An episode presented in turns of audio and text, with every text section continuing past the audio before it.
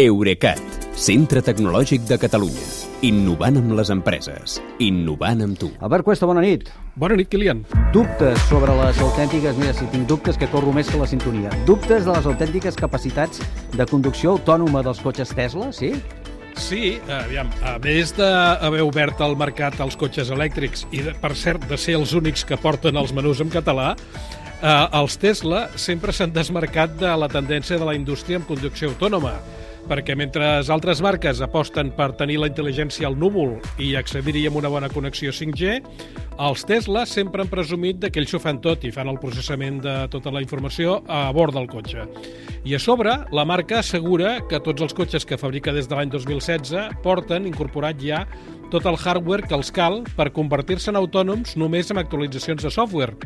Uh, I aquest hardware, els, alguns compradors uh, n'han pagat fins a 15.000 dòlars sense poder-lo fer servir encara durant mesos, perquè faltava l'actualització.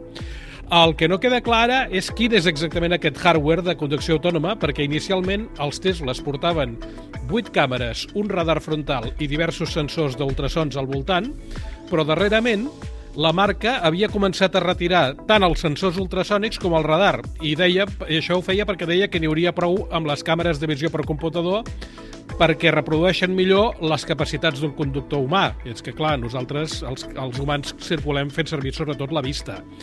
Doncs ara resulta que aquesta afirmació està en dubte, perquè Tesla ha avisat eh, el regulador de comunicacions dels Estats Units que a partir del mes que ve tornarà a equipar els cotxes amb un radar, això sí, d'un tipus nou.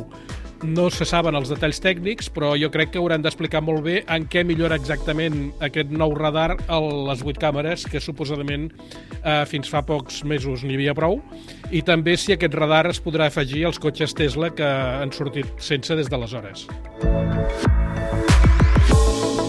Potser haurem d'assumir que els cotxes totalment autònoms encara van a mig gas, eh, o, a, o a mig eh, energia elèctrica, diguem. Sí. El que va a plena marxa són les purgues d'una altra empresa d'Elon Musk, coneguda també, es diu Twitter. Sí. Twitter. Tenim nous capítols del serial aquest interminable de la xarxa de l'ocellet.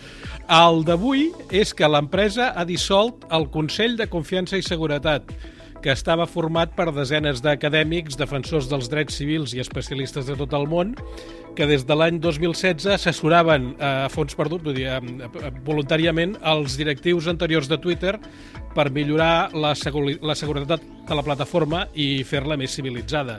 Doncs bé, fa poques hores que tots aquests membres han rebut un missatge de correu que els agraeix la col·laboració, però els diu que el Consell ja no és la millor estructura per canalitzar el coneixement extern cap als nous productes i noves polítiques. En altres paraules, Elon Musk vol decidir ell solet. Uh, o ell sol o amb l'ajuda d'una altra mena d'assessors, més, de la, més favorables a les seves tendències, diguéssim. En tot cas, jo crec que cal esperar-ne el pitjor, perquè el nou amo de Twitter no n'ha tingut prou amb despatxar la vella guàrdia de l'empresa, sinó que també s'ha proposat intensament deixar-los en evidència. Per exemple, Uh, Elon Musk ha convidat un parell de periodistes de tendències polítiques una mica sospitoses a que revisin i publiquin documentació interna de l'empresa suposadament per demostrar que els directius anteriors manipulaven el, fun el funcionament de la plataforma en funció de pressions polítiques i que feien llistes negres de perfils que calia penalitzar, etc etc. En realitat, aquests expedients Twitter, que ja van pel segon lliurament, sí que revelen algunes pràctiques dubtoses que es podien sospitar, però sobretot el que demostren, en general, és que el personal de, plata de qualsevol plataforma digital, en aquest cas de Twitter, però també de qualsevol altra, podria arribar o pot arribar a tenir accés a missatges i altre contingut dels usuaris que els usuaris es pensen que és privat, però en realitat, quan una vegada el tenen ells, no ho és.